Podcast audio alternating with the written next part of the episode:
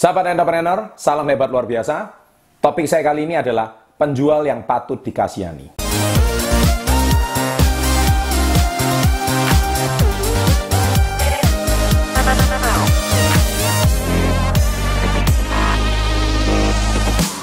Baik, uh, mengapa saya mau bahas topik ini? Karena uh, selama 20 tahun saya menjalankan bisnis di bidang penjualan, saya memang tidak asing uh, berhadapan dengan yang namanya penjual-penjual yang memprihatinkan, penjual-penjual yang kasihan, penjual-penjual yang memang uh, selalu mengeluh targetnya tidak tercapai, omsetnya tidak tercapai dan sebagainya.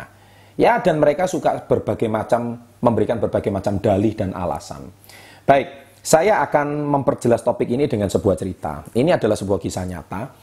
Uh, suatu hari ada sebuah perusahaan sandal, ya perusahaan sandal, di mana perusahaan sandal ini mempekerjakan seorang sales, ya. Dan salah satu targetnya adalah uh, karena perusahaannya di Asia, salah satu targetnya adalah menjual sandal sampai ke luar negeri dan bisa mencapai ke benua Afrika dan sasarannya adalah Afrika Tengah.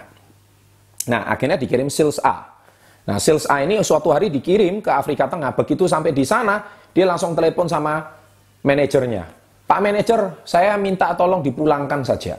Kenapa? Karena ternyata di Afrika ini tidak ada orang pakai sandal, khususnya Afrika Tengah. Semua di sini itu mereka ke mana-mana jalan kaki nggak pakai sandal. Saya sulit menjual uh, sandal di sini. Apa nggak salah?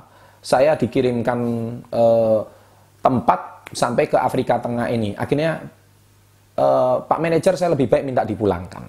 Nah, jadi singkat cerita sales A ini dipulangkan ya. Nah, ini adalah sales yang sangat memprihatinkan karena dia tidak bisa membuka satu pangsa pasar. Akhirnya dikirimlah sales B ya. Ketika dia dikirim ke Afrika Tengah, tempat yang sama, ya, lokasi yang sama, bandara yang sama, kota yang sama. Begitu dia datang, dia langsung Pak manajer langsung kirim dua kontainer sandal ke sini. Nah, Anda lihat cerita ini bermakna apa? Loh, kenapa? Katanya di situ tidak ada orang pakai sandal. Justru tidak ada orang pakai sandal. Saya harus edukasi mereka pentingnya pakai sandal. Ya, di sini adalah pangsa pasar yang besar karena mereka tidak tahu nyamannya pakai sandal. Dan di sini tidak tahu bagaimana kebaikan pakai sandal. Dan justru sandal-sandal di sini ini menjadi suatu barang baru. Dan kalau kita edukasi mereka pentingnya pakai sandal, wah mereka akan menjadi eh, kebiasaan memakai sandal seperti kota-kota maju di dunia dan sebagainya. Nah, Anda lihat eh, mengapa kondisi yang sama, kota yang sama, ya, kemudian eh, situasi yang sama, tetapi dua orang sales bisa mempunyai persepsi yang berbeda. Nah, jawabannya ini adalah di masalah persepsi. Nah, sahabat entrepreneur sebetulnya menjual juga masalah persepsi. Anda bisa melihat seseorang itu adalah pangsa pasar atau prospek yang baik, atau Anda bisa melihat seseorang itu adalah uh, orang yang menjemukan atau orang yang memprihatinkan. Ya, itu semua tergantung persepsi Anda. Hari ini kalau Anda yang bergerak di bidang penjualan, kalau Anda menonton video ini, Anda jangan sampai merasa bahwa menjual itu sesuatu yang sulit. Saya punya banyak video, Anda bisa tonton yang lain Ya, jadi jangan sampai Anda hari ini merasa menjual itu sesuatu yang sulit. Ya, jadi saya yakin kalau hari ini Anda bergerak di bidang penjualan atau di bidang bisnis, ya, jangan sampai persepsi susah atau sulit itu ada di dalam kamus berpikir Anda. Anda harus merubah semuanya bahwa menjual itu mudah. Semudah mengambil es krim dari anak kecil.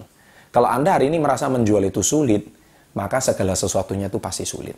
Semoga setelah Anda menonton video ini, anda semakin mahir menjual, ya, semakin pandai, dan Anda hari ini bisa mengambil bahwa setiap masalah itu adalah sebuah peluang yang terbaik. Bukan setiap peluang adalah masalah bagi Anda. Sukses untuk Anda. Bila Anda merasa video ini bermanfaat, jangan lupa subscribe berlangganan dan silahkan bagikan pada teman-teman Anda. Sukses untuk Anda. Salam hebat luar biasa.